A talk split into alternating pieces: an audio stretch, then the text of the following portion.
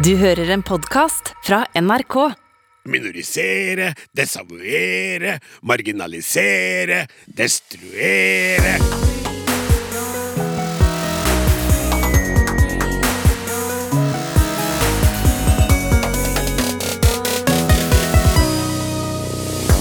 At et språk kan bli trua av et annet språk, det har du muligens hørt om.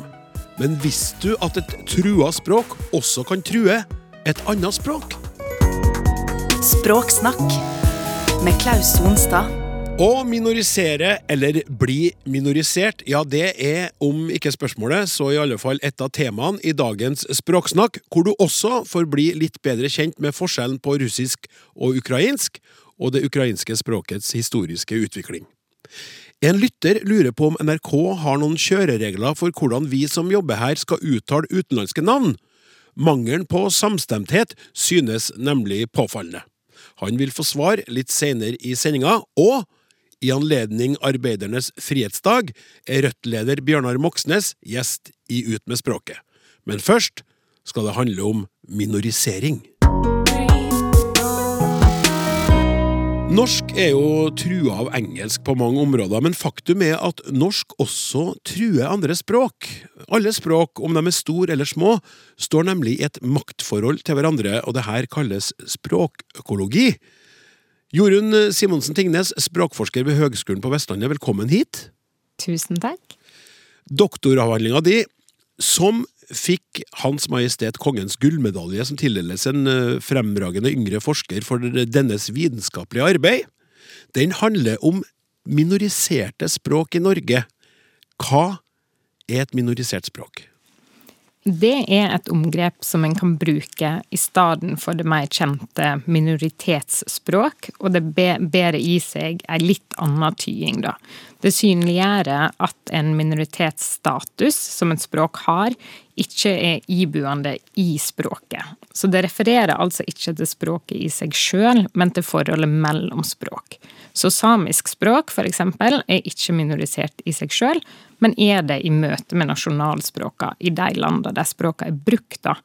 Så omgrepet synliggjør òg at språkstatus ikke er noe konstant, men at statusen til et språk vil kunne variere og være mer og mindre tydelig i ulike tilfeller, da, og kunne endre seg over tid. Ja, det, det der det var interessant. Eh, ikke Ja, nei, jeg skjønner. Og da må jeg spørre, er det ikke også sånn at et språk som er da minorisert i en sammenheng, kan være det språket som undertrykker eller minoriserer, hvis det er et ord, i en annen sammenheng? Jo, det stemmer. Nettopp fordi omgrepet viser til forholdet mellom språk, så kan et språk være minorisert og minorisere, som, som du sa, da. Men vi må jo huske at det ikke er språket i seg sjøl som er aktøren, så språk kan ikke minorisere hverandre, men prosesser i samfunnet kan føre til at en sånn situasjon som du skildrer, oppstår. Og litt forenkla sett så kan vi jo snakke om et, et, språklig hierarki. Mange er bekymra for hvordan bruken av engelsk går på kostnad av norsk, og i noen tilfeller så vil en da påstå at norsk blir minorisert i møte med engelsk. Men på samme tid så vet vi at samiske språk er minorisert i møte med norsk. Så på den måten så kan jo da norsk både være minorisert, og dominansen som norsk har, kan være med på å gi samiske språk en minorisert status. Ja, og i Norge så gjøres det jo mange språkpolitiske grep for å ta vare på de minoriserte språkene, og det skal vi komme tilbake til. Men først nå så må vi si hei til en uh, annen minoritetsspråkekspert, uh, Hallie de Korn. Uh, sånn cirka det rett etternavn, Hallie? Ja, riktig. Takk. Ja. Du er språkforsker ved Multiling, senter for flerspråklighet ved Universitetet i Oslo, og du har studert minoriserte språk i land som tidligere har vært kolonier. Og hva er det som er typisk med en prosess der et språk blir undertrykt i den sammenhengen? Ja, akkurat uh, som Jørund har sagt, uh, det handler om maktforhold og valg som aktører i samfunnet tar. så vi ser verden rundt at makthavere ofte vil etablere egen språk eller egen dialektvariant som den som har høy status. Og det kan ofte føre til at andre språk eller andre dialekter eller varianter blir marginaliserte eller eh, minoriserte. Eh, og det skjer eh, særlig i kolonialistiske forhold, men det har skjedd også ofte i nasjonsbyggingprosesser. Og det skjer både på en sånn praktisk eh, måte, hvor språk som er brukt i skole, i offentlig rom og i domener med høy prestisje, eh, blir oppvurdert, eh, og andre språk blir da nedvurdert. Eh, og det fører til slutt også til en ideologisk prosess, hvor disse språk som er eh, marginalisert, blir mer og mer nedvurdert da, eh, og har lavere og lavere status i, i samfunnet. Har det sånn forsterkende effekt? Absolutt. Eh, når et språk er ikke brukt eh, i en høy prestisjedomen, f.eks., så kan det gå svakte, men eh, stadig inn i andre domener, eh, som kulturlivet og til slutt familieliv, eh, når folk velger hvilke språk de vil lære bort til barna si. De, de tenker på hvilke språk her status i, i samfunnet. da. Hvordan har, hvordan har det her foregått opp gjennom historien? Herlig? Vi kan faktisk se på noen eh, positive tendenser gjennom historien. Eh, hvis vi tenker på den type undertrykkelse som har skjedd i koloniseringsprosesser og nasjonsbyggingprosesser. Etter andre verdenskrig, med den menneskerettighetererklæring, så kan vi la merke til noen endringer i, i flere land, hvor det har faktisk blitt mer og mer anerkjennelse for rettigheter til språklige minoriteter. Eh, og vi kan la merke til ulike lovverk på både nasjonal og internasjonal nivå, eh, hvor minoriteter her fikk eh, flere rettigheter til å bruke egen språk, eh, både i utdanning og i, i kulturelle liv. Så for eksempel i USA, der jeg vokste opp, så var det i 1990 urfolkspråkbrukere fikk en slags anerkjennelse. I Mexico, der jeg forsker, var det 2003 eh, når urfolksspråkbrukere fikk eh, nasjonell eh, anerkjennelse og, og rettigheter. Eh, Så vi går faktisk mot eh, litt bedre tider, håper jeg. Eh, Men det er fortsatt mye å gjøre for at disse eh, lovverk og disse erklæringer ikke bare står som pent eh, deklarasjoner, og faktisk blir implementert eh, og blir tatt i bruk. Uh, Jorunn, hvordan står det til i Norge, sånn sett? Ja, jeg sitter og tenker at det Helly sier har jo helt tydelige paralleller til eh, den norske konteksten. Da. Både i skildringa av prosessen der et språk blir undertrykt, og i situasjonen eh, som er i dag.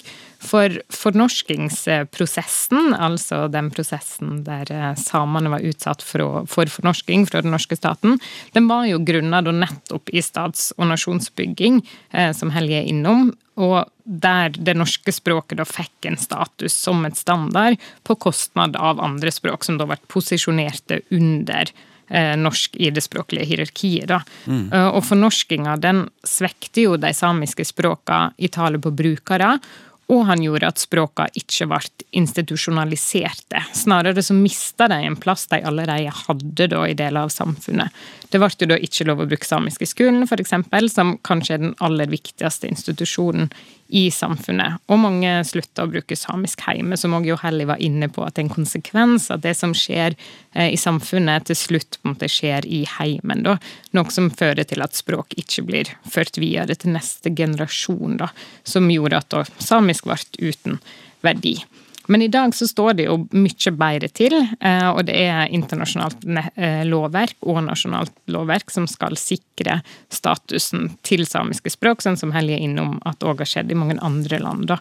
Men det er likevel viktig å være klar over at den fornorskningsprosessen som var, det var åpen undertrykking i form av lov og regler, mens i dag så er det mer subtile prosesser som gjør at språk som samisk da blir minorisert. Ja, ja, si litt om det. For at, altså, at det er både sånn fra, fra samfunnet og styresettet, og så er det blant folk. Sant, ja, folk imellom.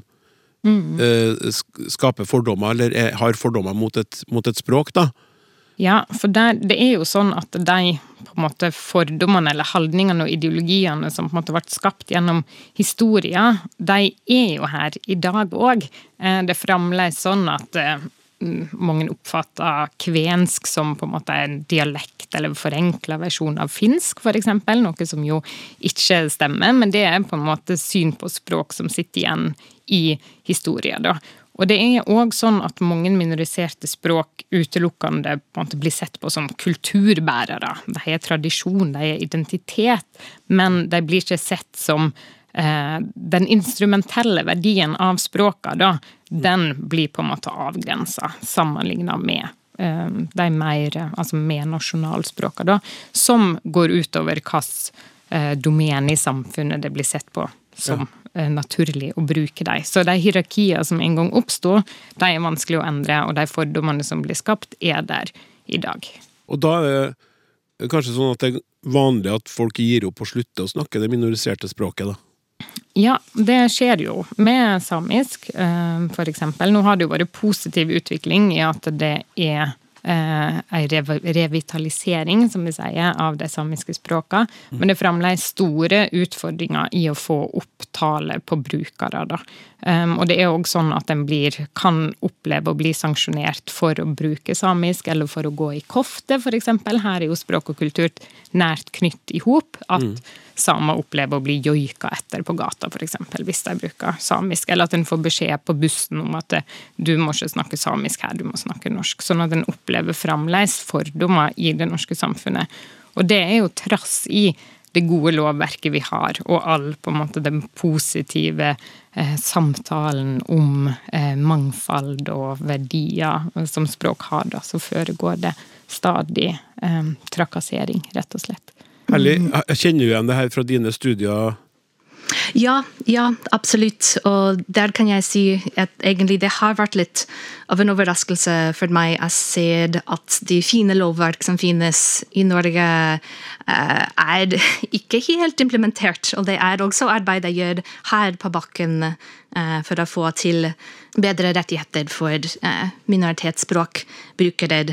I andre kontekster er det selvsagt ofte en del verre. Det mm. er ofte lenge historier med eh, rasisme og klassisme og mange negative fordommer som da er flettet inn i den språkhierarki og, og gjør at det er veldig vanskelig å endre synspunkt og holdninger eh, til til folk i et, i et samfunn. Men eh, vi ser, som Jørgen sier, at det er mulig og ting kan endre seg med eh, både språkpolitikk og bevisstgjøring eh, nedenfra opp eh, på baken. I doktoravhandlinga di Jørgen, så, så, så du på hvordan mulighetene er for institusjoner i Norge til å bruke minoriserte språk som hovedspråk. Og hva, hva kom du fram til der? Nei, det overordna den overordna konklusjonen var jo at det er mulig å bruke de språkene her. Jeg så på samiske språk, og da særlig nordsamisk og nynorsk. Og den norske språkpolitikken, da, kombinert med utdanningspolitikken, den har jo åpna opp for bruk av samisk i høyere utdanning de siste åra. Og bruk av nynorsk i høyere utdanning er òg støtta av den nasjonale språkpolitikken. Da. Men det betyr jo ikke at språket har tilstrekkelig med støtte, for forskningspolitikk f.eks. For eksempel, er ikke like støttende. Og i akademia så er det, som vi vet, mange strukturer som fører i retning engelsk. Men bruken av minoriserte språk, det krever da et, et medvit og en innsats mer enn det å bruke bokmål, da, f.eks. i møte med engelsk. Så krever det en enda større innsats å bruke nynorsk, og en er avhengig av enkeltinstitusjoner og enkeltpersoner som trass i at det vil være lettere å velge andre språk, vel å bruke de minoriserte språkene. Og jeg finner at valget disse institusjonene og personene gjør av nynorsk og samisk, stadig blir utfordra. Noe som vil si at brukerne altså må forsvare og legitimere valg av språk. Da. Ja. Og i noen tilfeller så har en jo ikke noe valg. Altså Brukere av samisk må jo i mange tilfeller bruke norsk fordi at språkene ikke er gjensidig eh, forståelige. Da. Ja, det slår jo meg. Vi hadde jo en stor eh diskusjon altså Vi hadde en spesial om nynorsken nå, som vel også blir utsatt for den her eh, samme minoriseringa av da bokmålet, eh, Ja. når du sier det der. Men til dere to, eh, hva slags språkpolitiske virkemidler er mest effektive for å styrke minoriserte språk, da? Ja, dessverre finnes det ingen universelle virkemidler som kan løse det. Eh, Problemer med språkhierarkier, Eh, men det finnes mange ulike virkemidler som kan prøves og tilpasses til ulike kontekster. Eh, Noe som er viktig i alle kontekstene jeg kjenner til, i hvert fall, er arbeid med holdninger og, bevisstgjøring, så at de nye generasjoner ikke arver fordommer som kommer fra en tidligere tid, men kan se på bestemor sitt språk eh, som et ressurs, som noe som de har alle rettigheter til å bruke. Eh, og eh, ikke minst eh, arbeid med holdninger til flerspråklighet selv. Eh, fordi hvis man kommer fra en minoritetsspråkfamilie, men tenker at eh, flerspråklighet kunne være et problem, at barna bare skulle tilegne seg ett språk, så er det ganske sannsynlig at man skal velge bort den minoriserte språket og bare lære den dominerende språk til barna si. Mens hvis man har en mer åpen eller positiv eh, syn på flerspråklighet, eh, så kan man godt velge å bruke et minorisert språk hjemme, og vet at barna skal også kunne tilegne så mange andre språk eh, de vil, ut i skole og arbeidsliv og livet generelt senere. Så det, det er ganske mye arbeid som, kan, som vi kan gjøre også med tanke på hvordan folk forholder seg til dette, om å være flerspråklig eller flerdialektal, eller eh, bytter mellom ulike varianter i ulike kontekster. Jorunn? Ja, helt enig. Og det, nå når Helly snakker om å på en måte arve fordommer, så tenker jo jeg på sidemålsopplæringa, f.eks. At vi vet jo at negative holdninger til nynorsk, og særlig da nynorsk som sidemål, er et, et stort problem. Eh, Så det er en sånn konkret plass i det norske samfunnet vi kan, vi kan sette i verk en innsats da for å motverke de negative holdningene. Og der tror jeg jo at lærerutdanninga er enormt viktig. Altså sikre nynorskkompetanse i lærerutdanninga. Og det samme gjelder jo når det, hvis vi ser på samisk, så er det med å utdanne lærere og ha nok eh, flinke lærere eh, i samisk enormt viktig. Og Helly snakka jo litt mer si, overordna om holdninger og kunnskap, men lovverk er jo òg viktig. Altså, det er ikke alltid eh, lovverket blir fulgt, men nå i Norge så er det en spennende tid fordi at vi har fått ei språklov som er viktige, som har et stort potensial, men hun må følges opp. da. Så Når det gjelder bokmål nynorsk, så må på en måte den formelle likestillinga bli reell. da. Og så er det jo òg sånn at vi har en opplæringslov på trappene, som er vel så viktig for, som språklova, fordi at det er i skolen at eh, de nye språkbrukerne blir skapt og forma. Så opplæringslova er nødt til å sikre rettene som samiske elever har, kvenske elever og, og eh, elever som har nynorsk som hovedmål. da. Holdninger, holdninger eh, befolkninga og politiske grep. Eh, Språk har jo uansett en tendens til å utvikle seg litt eh, som de sjøl vil, eh, uavhengig av regler og andre ting. Så eh, det er i hvert fall fint å vite at vi har to her i studio som prøver å ta tak i det. En amerikaner som har lært seg det lille språket norsk, og en nynorskbruker som har skrevet doktoravhandling på nynorsk. Tusen takk for at dere kom til Språksnakk, språkforsker ved Høgskolen på Vestlandet Jorunn Simonsen Tingnes, og språkforsker ved Multiling, Senter for flerspråklighet ved Universitetet i Oslo, Hallie Dekorn.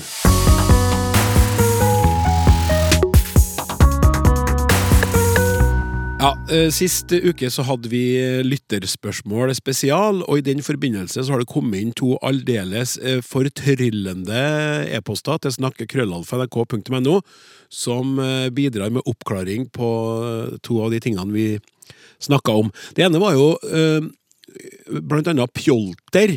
Eh, det er jo en drikk fra gammelt av.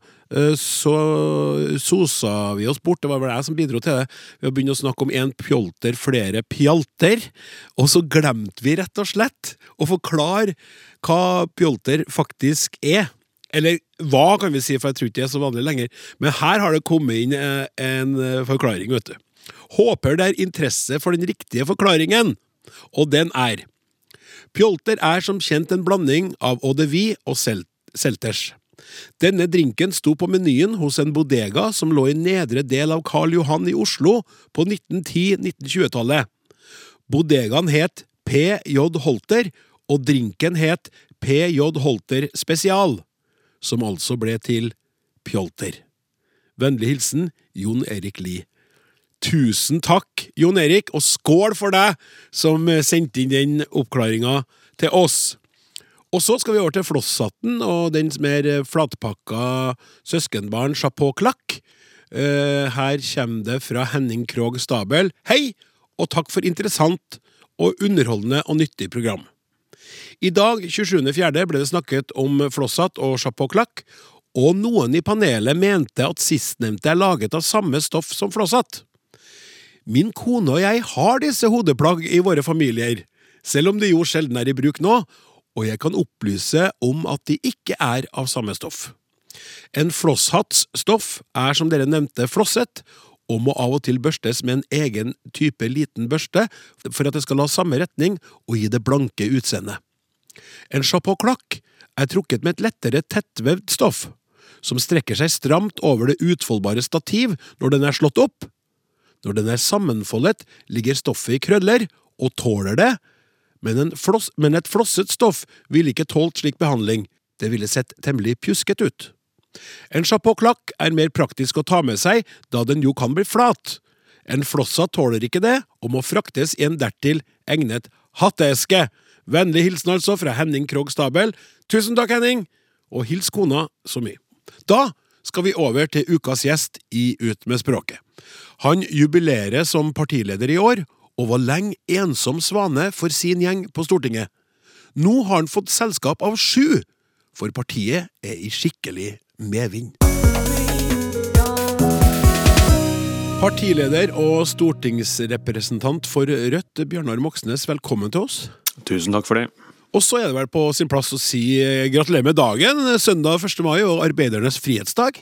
Ja, absolutt. Det er eh, en av de ja, absolutt favorittdagene hele året, så takk for det, og i like måte. Ja, en dag eh, som er frihetsdag, men ikke fri for deg, for da har du mye å gjøre.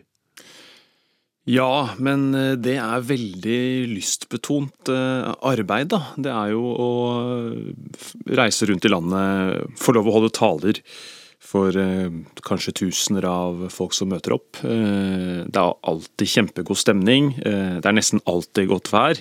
Og det er jo å få sagt noe som er viktig for meg og viktig for dem. Og det føles veldig, veldig fint egentlig med 1. mai. og også 1. mai-talene og, og 1. mai-arbeidet. Nesten alltid godt vær, sier du. Da er det ikke Trondheim du har vært og holdt tale i det siste? Nei, det kan nok stemme. Ja. Du skal holde taler i år òg, da? Ja, det blir Stavanger og Sandnes i år. Ja. Det, altså, det å holde en sånn tale er jo viktig. Det sier jo seg sjøl. Mm. Hvordan jobber du med, med en sånn tale? Hvordan går du fram for å, for å gjøre den så god som mulig? Ja, det heter ikke jeg lenger. Det heter vi. Som vel Var det Haldis Moren Vesaas, eller? Ja. ja, øh, Nei, det, det, er vi. Det er ikke et enmannsarbeid, så vi er flere som diskuterer. Nei, altså Det, det starter jo ofte med hva er det viktig å få sagt? Hva er budskapet? Og da starter vi ikke helt på scratch og liksom begynner å Med en helt på en måte blankt ark. Vi har jo masse politikk som ligger i bånn. Vi har vedtatt prioriteringer for dette året. Vi har gitt noen løfter i valgkampen som var i høst, om hva vi kom til å jobbe, jobbe hardest og mest for å få til av forandringer. Mm. Så, så, klart det må gjennomsyre talen. Og så er det ikke minst hva har skjedd. Hva er det som er på dagsordenen akkurat nå som folk bryr seg om, som, som er viktig i livene til, til, folk. Det må også inn. Mm. Og selvsagt nå så er jo krigen mot Ukraina en sånn, en sånn type sak. Men det er alltid noe som, som står på dagsordenen som også må inn, da. Ja. Men eh, hvordan, altså Vi har jo hatt flere ganger i Språksnakk hatt besøk av en eh, retoriker som har snakka litt om det med å bygge opp en tale og, og få fram poenger. og. Det handler mye om, altså det er mange ting i en tale som skal være på plass for at den skal virkelig sitte. Mm. Så nå har dere det politiske på plass ikke sant? og blitt enige om at ok, det her må talen inneholde sånn rent sånn ut ifra hva, Ja. hva Rødt står for. Mm. Men hvordan jobber dere med språket og for at du skal stå der og, og, og snakke sånn at folk kjenner det i hjertet? Ja. ja, det er jo ikke så lett, og det er jo ikke alltid vi får det til heller. Men, eh, men noen ganger på en god dag eh, og i en god tale så, så kan det sitte altså, midt i fletta. Eh, Jeg tror veldig mye handler om å, om å altså, skrive det, og så lese det høyt. Og så kjenne etter, eh, høre etter. Eh, Er setningsmelodien god? Eh, liksom, Er, det, er flyten eh, bra?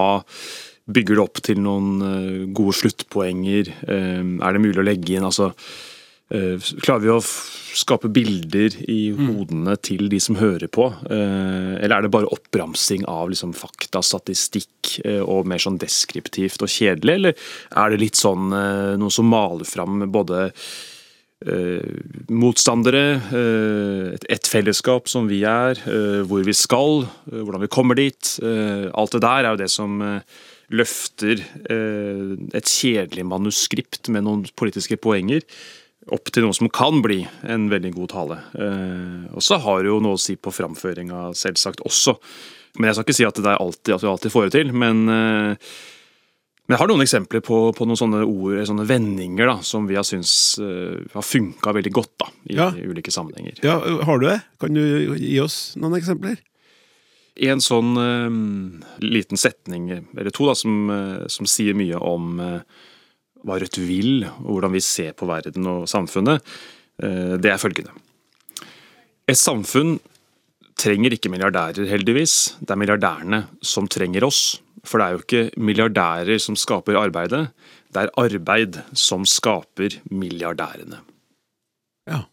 Det er ikke genialt, det skal jeg ikke si, men, men jeg, jeg, men, jeg, synes eh, at det, jeg forstår hva du mener. Ut ifra der dere er og hva dere tror på, så er det en veldig sånn fin em, twist i setningen, da. Uh, og du- og den, den har et sånn fin rytme òg. Ja, kanskje. Eh, Ja. og- Og den får fram eh, poenget. Ja, da kan man snakke ut fra det. Altså, for det snakker jo egentlig til alle som jobber i samfunnet vårt, og som skaper verdier. Altså Om man så gjør det på, på et smelteverk, i en barnehage, i et klasserom, eh, på et sykehus, eh, som renovasjonsarbeider, eller til og med i NRK. Altså Alle som jobber, de skaper verdiene.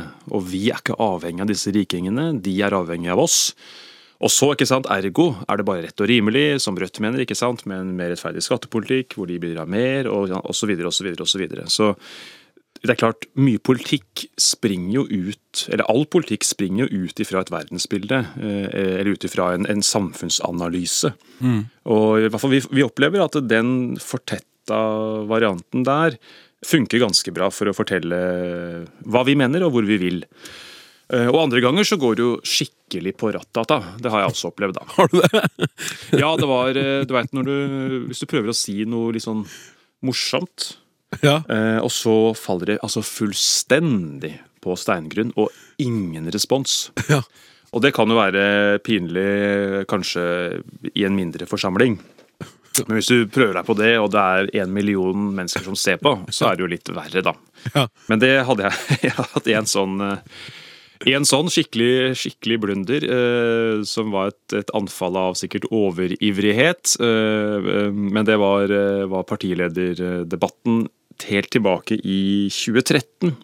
ja, da var du fersk. Helt fersk. Ja. Og da ble jeg faktisk kasta inn, og så ut igjen, og så inn igjen. Eh, fordi at de ville ikke helt ta Rødt inn. Dere i statskringkastingen Nei, ville vil ikke ha med Rødt. som Sorry at vi herja sånn med deg, men, men fortell, da. Hva, hva skjedde? ja, så, så jeg, jeg var liksom først hivd inn i én bolk, og så gikk det ganske bra. Ja. Og da ble vi veldig ivrige på bakrommet, for at jeg ble ut på gangen ikke sant? og ventet til jeg kunne komme inn og holde sluttappellen, den liksom, høytidelige sluttappellen, inn, Ja. inn, inn i liksom kamera, og du må ha pugga den, og du må helst ikke blikke ned, men se rett inn i kamera og liksom gi 30 sekunder. Derfor må du stemme Rødt eller et annet parti. Så ble vi såpass gira av at det hadde gått bra i første bolk. Eh, og så fikk vi da, da meldinger. ikke sant? Vi så jo på nett, nettavisene at, at uh, Drillo uh, vant på Ullevål. en viktig kamp. og så tenkte vi at hei, genialt, her kobler vi nå kobler vi som Drillo. Han har jo vært med i Rødt og kjent som det, og så vinner Norge, og så, og så gjør vi det bra i debatten. og så så da, så da, spikka vi ut en sånn eh, setning på bakrommet som jeg skulle liksom ha som siste punchline i siste appellen min inn i TV-ruta. Det var følgende. Det blåser en venstrevind over Norge. I kveld vant Drillo på Ullevål. På mandag er Rødt inne på Stortinget. Okay. Det vi ikke tenkte på, var at i den salen der, det var vel Chateau Neuf som var fullt i randen, så satt jo stort sett utelukkende eh, folk fra de andre partiene ja. som fylte opp de benkeradene, ikke sant. Så når jeg liksom la trøkket inn i den siste schwungen der, med liksom punch og vidd, så var det altså null respons. Ja. Så det falt jo fullstendig på steingrunn. Og det tror jeg også de tusener millioner av hjemme fikk med seg. Så det var sånn, eh, vi, vi, var så sikre på at nå, liksom, nå har vi naila det. Men det var altså fullstendig skivebom. Det var vill jubel blant den lille gjengen på bakrommet, da. Yeah! Ja, kan, Det var mulig at han Iver, da, som, som da var med som sånn rådgiver eh, vi, vi, var veldig fornøyd med, med den. Men, men, her, kanskje poenget er jo at, um, at en sånn god tale du må tenke på hvem snakker du til. Mm. Det er kanskje det aller viktigste om du skriver en tekst, da, i hvert fall sånn politisk, da, som ja. jeg veit noe om. Uh, en kronikk, debattinnlegg, uh, tale i Stortinget uh, eller en sånn 1. mai-tale, så er det aller viktigste hvem Hva vil du si, og hvem snakker du til? Du har fått ofte skryt for i det her i de her terningkastrundene som dere får noen altså sånn vurderinger rundt valg og sånn, så får du ofte skryt for at du er tydelig, da. Ja, og det vi iallfall har prøvd på, er jo eh, nå, må du si, nå, må du si du, du begynner å si 'vi' igjen. da, Nå sa jeg at det var du som var tydelig. da, dette er vi-et, da, så det, ja. det, er ikke jeg som er tydelig, det er vi som er tydelige. Er det du vil si? ja. Det rojale vi. Ja. Det er ikke helt der. Men, eh, nei, men det som er et mål, da, eh, med, med, om det så er partilederdebatt eller 1. mai eller hva det er for noe, mm. er jo å holde fast i et budskap og en fortelling over tid. Mm. Jeg tror ikke det fins noen quick fix for å få tillit da, uh, ute blant, uh, blant folk. Og Rødt har bygd seg opp fra et parti som har ligget på stabilt da, på rundt 1, 1 litt over, litt under, mm. I alle de år. Og så har vi da siste ja, siden 2015 og ja, siste sju årene Eh, løfta oss veldig. Altså Vi har fått tillit fra nå i siste valg 140 000 eh, folk. da. Mm. Eh, og det tror jeg handler om å holde fast i et budskap og en fortelling over tid. At det gjennomsyrer det jeg har sagt da, fra 2013, håper jeg i hvert fall. Jeg gikk på som leder i 2012, da, så det er tiårsjubileum snart. Men ja. er egentlig fra 2012 da, og, og fram til i dag. At, at vi har prøvd, og jeg har prøvd, å, og løfte opp eh, at vi har dessverre fått et klassesamfunn i Norge igjen, og at vi både kan eh, og må gjøre noe med det. Og at vi må få mer rettferdighet og sånne ting. Ja, Du sa jo eh. allerede i Du var jo talsmann for Ungdom mot, ungdom mot krig mm. i din tid, og da hadde dere Dere skulle demonstrere for en del år siden mot Irak-krigen. Ja. Og da var det ikke noe frykt for at demonstrasjonen skulle bli voldelig, for du, du sa vi skal gjøre det med show og musikk, men vi skal være tydelige. ja, og så gikk det vel litt skeis også med et par, par, av de markeringene, fordi vi mobiliserte jo Det var, var svære elevstreiker. Folk, ja. folk, gikk jo ut i elevstreik mot Irak-krigen i 2003. Ja. Inspirert av, av, elever i England, blant annet, som mobiliserte. Eh, så det gikk jo litt, litt hardt for seg foran den amerikanske ambassaden borti Drammensveien. Men, eh, så det ble, ble, litt sånn bråk der. Men, eh, men, det fine den våren var jo at vi så etterkrigshistoriens aller største folkelige markeringer mot krig. Og det var et så sterkt engasjement blant folk at vi fikk faktisk hindra at Norge gikk med i den katastrofale Irak-krigen. Ja. Så det var en, eh, et, et, et, eksempel på at, eh, at nytter å engasjere seg Um, du, du har um, vært opptatt av eh, også det med at et partiprogram må være forståelig. og det Partiet deres er jo sammensatt av mange forskjellige fraksjoner. Eh, og Sjøl har du jo prøvd å endre på språket i Eller ikke endre på språket, tatt ut noe og, og, og satt inn noe annet. Altså mye diskusjon rundt partiprogram. da. Mm. Både tydeligheten, forståeligheten, men også hva det skal stå der. Kommunisme, for eksempel. Mm. Der har du tapt uh, noen runder. Ja, altså Det jeg har ment da, og, og mener, er jo at vi må bruke begreper som folk forstår eh, i 2022.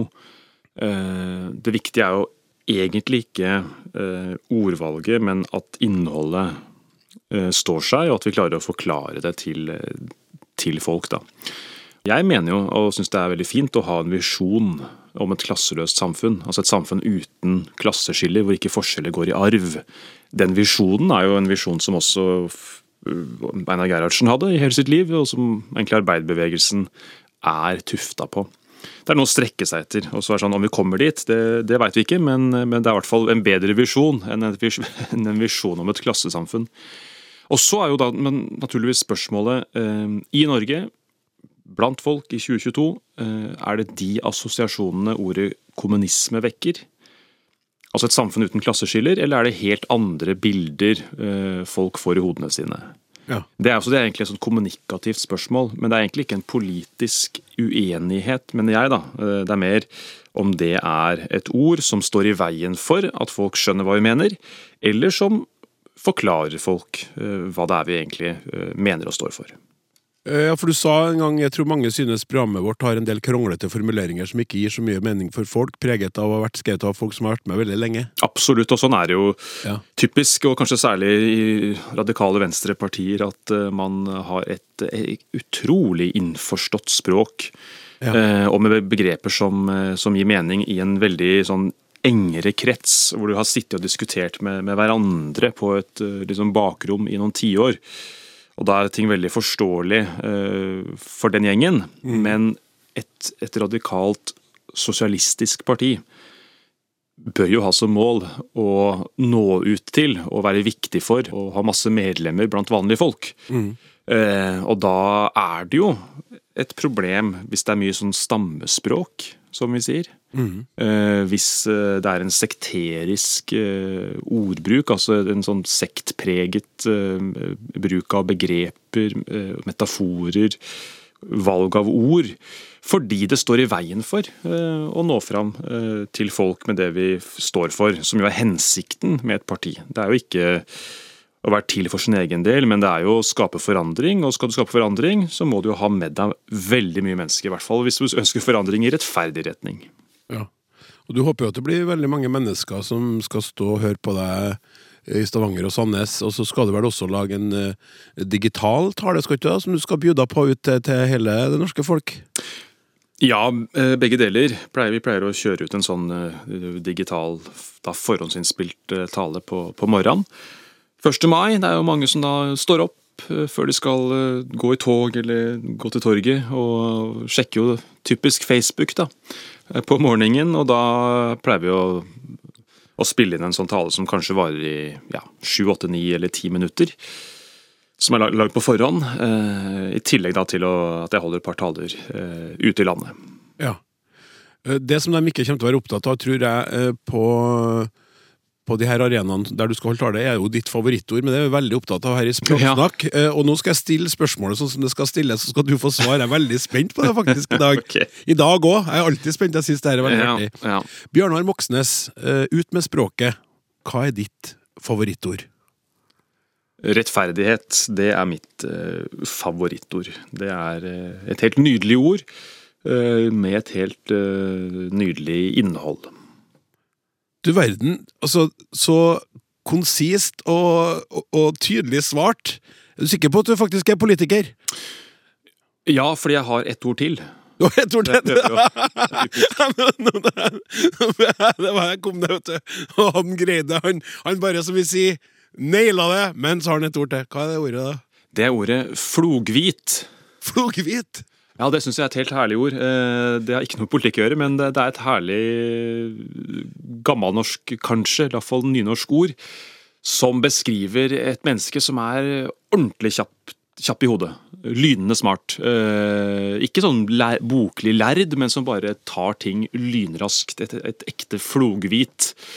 Det er et ord som eh, jeg syns klinger bra og har en fin melodi, og så er det et morsomt ord. Floghvit. Så skal vi velge mellom de to her? Skal vi, la, vi, lar dem, vi lar dem bli med begge to, så ser vi Ja. hva som, blir, som vi setter inn på Ja. lista vår. Lykke til med alt du har fôret på denne store dagen, og videre eh, som partileder for eh, partiet Rødt. Ja, tusen takk for det, og takk for eh, praten, og lykke til videre med programmet.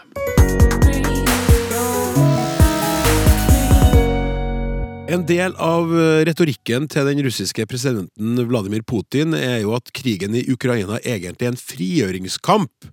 Ukraina er nesten ikke for en egen stat å regne, mener Putin, og de har i alle fall ikke et eget språk. De snakker jo bare en russisk dialekt, sier presidenten i Russland. Men herom strides mange lærde, og en av dem har vi fått besøk av i Språksnakk, professor i russisk ved Universitetet i Tromsø, Tore Nesse. Velkommen til oss. Takk for det. For meg, som ikke er professor i russisk, så er det vanskelig å høre forskjellen mellom russisk og ukrainsk, så jeg tenkte vi skulle begynne med å øh, høre på to øh, meteorologer. Eller om de er meteorologer, det vet ikke jeg, men i hvert fall de melder været. Og vi skal høre først på en russisk værmelder. Сегодня солнечно, до плюс 8 градусов тепла. Впрочем, тех, кто находится дома, эта информация, наверное, мало волнует, поэтому расскажем вам о новом природном явлении. Во всем мире на улицы крупнейших городов, временно затихшие из-за пандемии, выходят дикие Ja, животные. jeg forsto jo da naturlig nok ingenting av det her. Eh, Du skjønte sikkert mer, Tore, men jeg har ikke tenkt å be deg oversette. Her hørte vi da lyden av russisk værmelding. Nå skal vi høre ukrainsk. Вітаю, шановні друзі! В ефірі прогноз погоди на центральному каналі. В Україні утримається морозна повітряна маса арктичного походження. Антициклон принесе переважно суху і хмарну погоду в усіх областях країни. Опади малоймовірні. Вологість повітря Ja, залишається. øh, overskya eller sol, øh, det aner ikke jeg, men, men det, var så, vanskelig for meg å høre sånn kjempestor forskjell på språkene her. Hvor stor er egentlig forskjellen, Tore? Ja, den er jo ikke så veldig stor.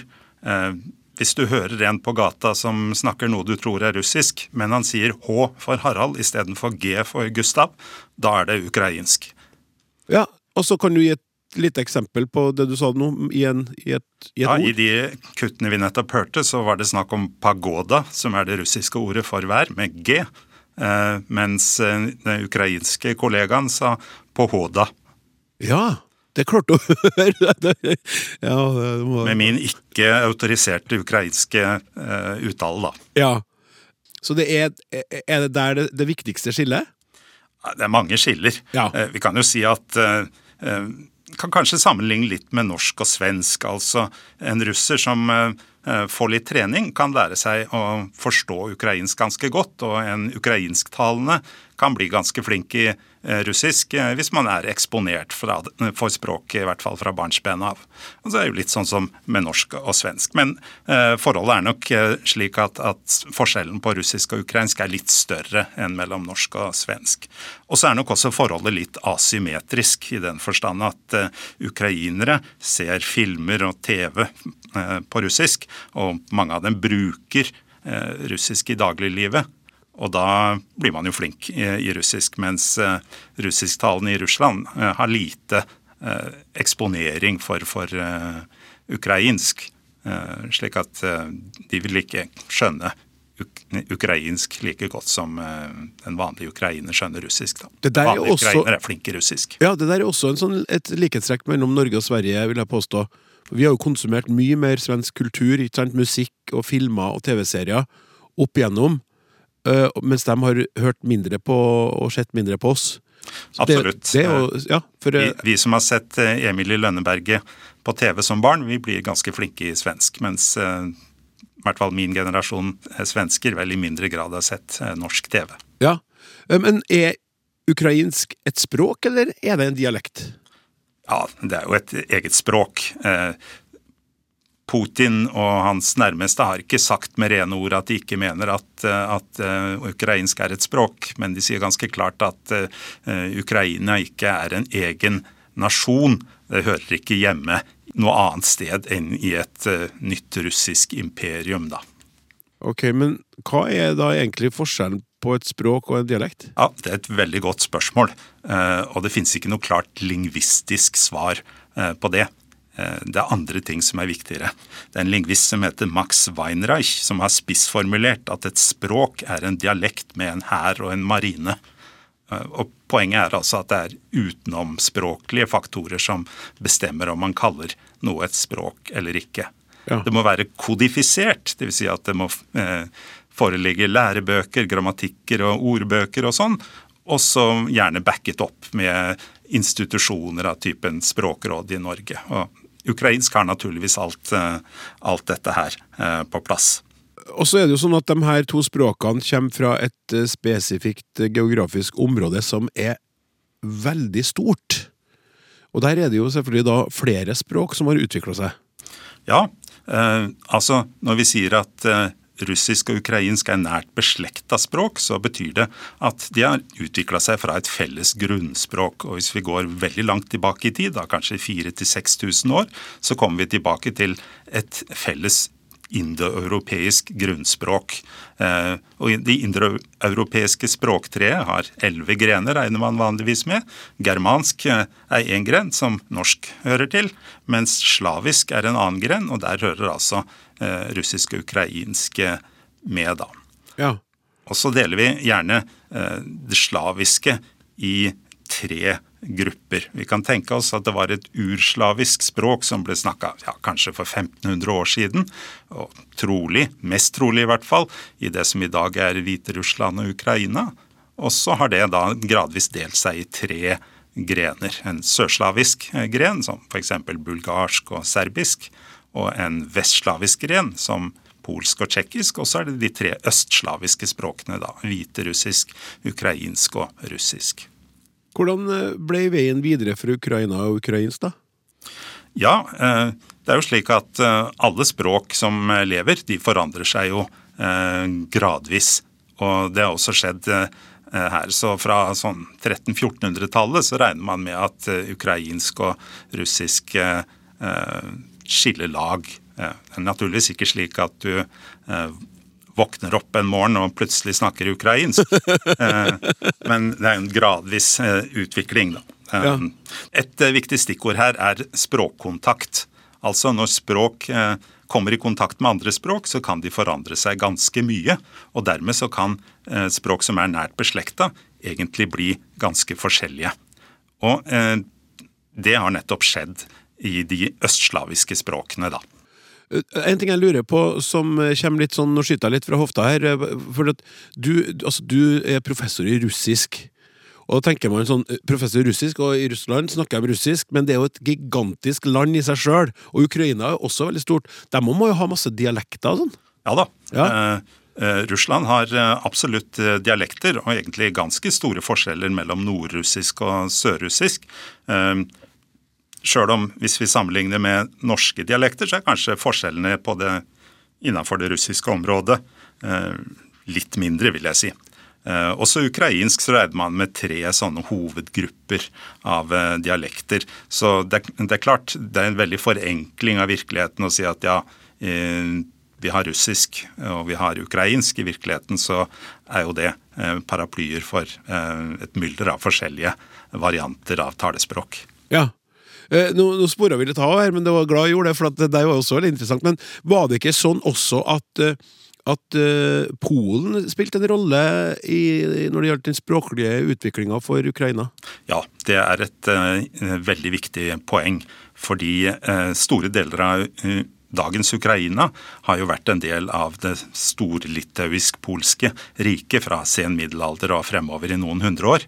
Og Dermed så har det vært veldig omfattende kontakt mellom polsk og russisk. Det er jo slik da at hvis to språk som er nært beslekta, eh, det ene blir utsatt for kontakt med et språk som det andre språket ikke har, ja, da blir de ganske forskjellige. Ukrainsk har ganske mye til felles med polsk, både når det gjelder ordforråd. Kan jo ta navnet på månedene, f.eks. April på ukrainsk, det er kvitjen. Med min ikke-autoriserte ukrainske uttale, da. Mens russisk har det mer kjedelige, vanlige europeiske systemet med eh, april for eh, april. Så to helt forskjellige ord. Og kvitjen det har faktisk sammenheng med ordet for blomst, så det er blomstermåneden, da.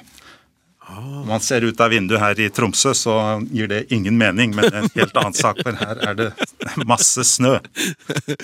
Men, ja. men, hva er det? Altså, du sa det var kvitting på, på ukrainsk, men ja. hva er det på polsk, da? Ja, Det er et eh, tilsvarende ord på ja. polsk som, eh, som, jeg ikke skal driste meg til å uttale på radio eh, her og nå. Men, men, det er det samme, eh, essensielt det samme ordet i polsk og ukrainsk. Ja, Det er jo en markant forskjell, da. Ja, det er helt forskjellige ord. Men også hvis vi ser på grammatikken, så blir det ganske store forskjeller. altså. En ting er jo eh, eh tidsuttrykk. Hvis vi skal si 'i år', på, på russisk, så må vi bruke en preposisjon som svarer til norsk i, og så må vi sette ordet for år i kasusen lokativ. På eh, ukrainsk derimot så bruker man ikke noen preposisjon, men man setter ordet for år i genitiv. Ja. Så det blir det sånne grammatiske mønstre som blir eh, forskjellige. Så det, så det her forsøket på å få ukrainsk til å være en sånn variant av russisk, det, det, det den, den, der den avslører du lett. Ja. Det blir storpolitikk. Det blir nokså mye politikk og veldig lite lingvistikk, da, for å si det sånn. Ja. Eh, eh, men igjen, altså hvis man ser på internett, så flommer det over av eh, alle slags folk som mener ting om at ukrainsk egentlig ikke fins, og at det er et kunstig språk og alt mulig sånt. og det får de ikke noen eh, fagfolk med, med på, altså. Nei, Men russerne har jo allerede begynt å undervise ukrainske barn på russisk i de områdene de har tatt over. Eh, eh, hva tror du skjer med ukrainsk fremover, da? Jeg tror ikke ukrainsk blir borte. Det er jo et stort språk med flere titalls millioner talere. Så det tror jeg ikke. Men eh, det er vel ikke noen veldig dristig påstand å se for seg at eh, ukrainsk kommer til å bli massivt undertrykt i russisk okkupert områder av Ukraina. Det tror jeg vi må bare se for oss. Kan det være noe i det med at når du har en sånn felles ytre fiende, at, at et språk også da blant dem som bruker, kan styrke seg på et vis, eller? Jeg tror allerede vi har sett at Ukrainsk har styrka sin stilling. Eh, det er blitt en enda viktigere identitetsmarkør for ukrainere, og også for eh, ukrainere som ikke har ukrainsk som morsmål. Ja. Eh, et sånt litt mer personlig spørsmål til deg som professor i russisk. da. Hvordan er det å være det for tida? Ja, Russisk er jo mer aktuelt enn noen gang. Så sånn sett så er det jo absolutt meningsfylt å drive med russisk. Men eh, den forferdelige krigen vi ser nå, den preger jo dagliglivet vårt veldig. Eh, ikke minst så skulle vi ønske at vi kunne samarbeide med gode kolleger i Russland på eh, en måte som ikke ble påvirka av storpolitiske hendelser. Ja. Det er et veldig trist bakteppe.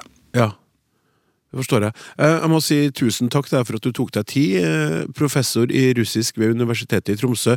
Eh, så kan jeg si det til deg, Tore, at våren kommer også til Tromsø en dag. Takk for det. Ja. Vi får tro det. Takk skal du ha.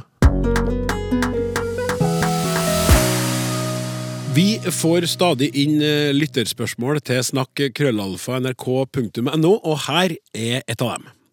Jeg lurer på om NRK har rutiner for at ansatte som deltar i radio-TV-programmer, har rutine for å finne korrekt uttale av fremmede egennavn. Mangelen på samstemthet har vært påfallende i det siste. Koranbrenneren kolon. Hans navn har av NRK-ansatte blitt uttalt Paludan, Paludan og Paludan. Sa jeg kanskje likedan to ganger? Jeg vet ikke. Det er vanskelig. Nei, jeg gjorde det riktig.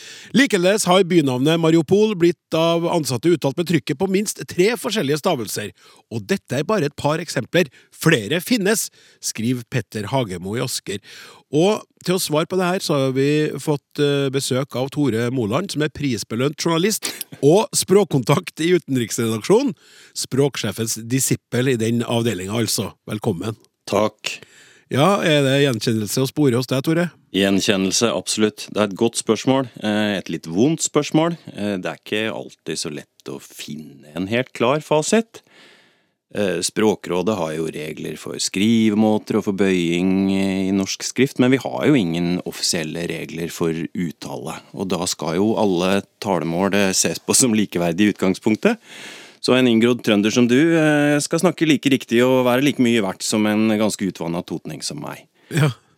Men så prøver jo NRK å uttale konsekvent, da. Og regelen NRK har lagt seg på, er at vi prøver å uttale et navn sånn den som har navnet sjøl, eller den som bor på plassen sjøl, sier det. Så det er hovedregelen. Og unntaket er da at noen navn har en så innarbeida uttale på norsk at vi ville skapt mer forvirring enn vi ville skapt forståelse om vi prøvde å si det på lokalt, og da holder vi oss til noen vanlige norske uttaleformer. Så vi sier for eksempel Paris og ikke Paris, og vi sier København og ikke København. og så blir jo problemet større dess lenger bort du kommer fra hjemme, og Mm. hvor eh, kjappere begivenhetene kommer på oss. For i nyhetene så handler det jo ofte sånn at plutselig skal vi snakke masse om noe vi ikke har snakka noe særlig om før, for å si det sånn. Ja. ja, og det var jo interessant nå i forbindelse med, med krigen eh, mot og i Ukraina. eh, Så kom det en justering på hvordan vi skulle uttale navnet på Russlands president, Vladimir Putin, som vi skulle si Putin. Det har vært mange runder på språk i forbindelse med krigen. Kanskje først og fremst på skriftspråk, og kanskje først og fremst på transkripsjonsformer. Og den store debatten der har jo egentlig vært om vi skulle fortsette med russisk transkripsjon på en del ukrainske stedsnavn, eller om vi skulle gå over til ukrainsk. Og der eh, hadde vi jo eh, allerede i 2014 faktisk gått over til ukrainsk eh, skrivemåte på de aller, aller fleste navn, men med utgangspunkt i den regelen jeg nevnte, så var da Kiev og Odessa ansett for å være så innarbeida i norsk at man beholdt russisk eh, stavemåte der. Men der har man nå også gått over til, til den ukrainske måten, som er Kyiv og Odessa. Ja. Uh, uten at jeg tror at egentlig uttalen er så dramatisk mye annerledes på norsk av den grunn. Men Paludan, Paludan, Paludan Ja, jeg trodde han het Paludan. Uh, og jeg har bodd i Danmark, men uh, det heter han visst ikke. Heldigvis så deler jeg kontor med ei som har fulgt denne saken i flere år, og hun sier at han heter Paludan. Ja. Normalt så skulle vi jo da faktisk gått og spurt fyren. Eh, hvordan uttaler du navnet ditt sjøl? Og så skulle vi fulgt den eh, uttalen han ga. Og det veit jeg at eh, journalister faktisk gjør. Det var masse diskusjon om de skulle si Trond Giske eller Trond Giske, og da var det noen som spurte han, rett og slett. Og så fulgte man den uttalen han sjøl leverte. Og sånn er det jo ikke alltid så lett å gjøre med utenlandske navn og folk på statsledere langt unna og sånn, men da kan man jo spørre folk som kan språket, eller man kan spørre, sjekke hva nasjonale medier i det landet sier, eksempel. Så for å svare på lytterspørsmålet, eh, Paludan og Mariupol med trykk på stavelsen i midten, sånn jeg har forstått det. ja. Uten at jeg skal påberope meg en enorm autoritet. Jeg er en ganske vanlig utenriksjournalist med et lite sideansvar for litt språkrøkt. Det er greit, det er mottatt. Uh, takk for det. Bare sånn helt på tampen, uh, Tore. Hvorfor tror du det er så vanskelig at vi rydder opp og blir konsekvent når vi da jobber i samme organisasjon og får beskjeder sendt ut fra øvre språklig ledelse og sånn på hva vi er anbefalt å si, og så likevel så gjør, gjør, gjør, gjør vi det ikke? Kan jeg få lov å svare med en anekdote? Ja! Det kan du. Det er trygt og fint, vet du. Da Ja. slipper du å, å rote deg borti noe tull med ledelsen. I 2011 så var det et jordskjelv i havet utenfor Japan eh, som utløste en tsunami, og det skapte ei alvorlig ulykke ved kjernekraftverket i Fukushima. Trodde vi. For plutselig var jo da Fukushima alt vi snakka om. Det er ikke så mange som kan japansk i NRK. Så ble Anders Magnus sendt dit som korrespondent. Eh, og ringte og meldte tilbake at her sier alle sammen Fukushima. Og så starta han da en heroisk kamp derfra for å få alle oss i NRK, som allerede hadde snakka om dette i et par dager, til å skifte og si Fukushima, som da kanskje var riktig, eller iallfall riktigere. Men så hadde vi jo Hiroshima fra før, som var godt innarbeida på norsk der den første atombomba ble sluppet. Godt innarbeida uttale. Så der den kanskje ville vært riktigere å si Hiroshima da, på japansk. Jeg er ikke veldig stiv i japansk. Men da er jo på en måte spørsmålet skulle vi si Fukushima, eh, men fortsette å si Hiroshima? Det er ikke veldig enkelt i en sånn situasjon å si hva er det riktige og hva er eh, feil. Eh, Det kan være gode argumenter for begge deler. Og når man da først har landa på en beslutning, så må jo den da kommuniseres ut til noen tusen arbeidere som skal bli skjønt enige om at ok, dette er vi enige om, og så alle sammen skal være enige om at sånn sier vi det. Ja. Og det er et eh, arbeid som pågår hele tida. Forrige helg, for eksempel. Valg i Frankrike. Begge presidentkandidatene har voldt oss ganske mange problemer på uttalen, uten at det er så fryktelig lett å si akkurat hva som er rett eller gærent. Det er vel Macron som er lett. Macron er jo rett, men må jeg da lage skarre-r? Og må jeg lage den der trange, litt nasale n-en på slutten? Eller er det greit å si Macron? Eh, eller burde vi fornorske det enda mer og si Macron? Eller eh, eh, Marine Le Pen, da. Du skjønner jo hvem jeg mener. Ja. Men på fransk så heter hun vel Marine Le Pen. Skal jeg anstrenge meg? Hvor mye skal jeg anstrenge meg for å si det helt riktig på fransk? Marine Le Pen. Ja, Eller er det greit å fornorske litt? Eller skal vi fornorske veldig mye? Ja, jeg skjønner. Altså, jeg, jeg, jeg er imponert, eh, Tore Moland, eh, over at du har tatt på deg det her ansvaret i utenriksredaksjonen, for det er jo virkelig ikke den enkleste jobben å ha, i tillegg til at du også da er journalist. Jeg takker deg for at du tok deg tid til å komme til Språksnakk, og ønsker deg lykke til videre i arbeidet, både som utenriksarbeider og språksjefens disippel i avdelingen. Tusen takk. Språksnakk er slutt for i dag. Tekniker Martin Våge, journalist Randi Lillealteren, produsent Hilde Zahl og programleder Klaus Sonstad løfter på sjappåklakken i takknemlighet over at du velger oss. Spre gjerne sansen for språksnakk til flere. Vi snakkes!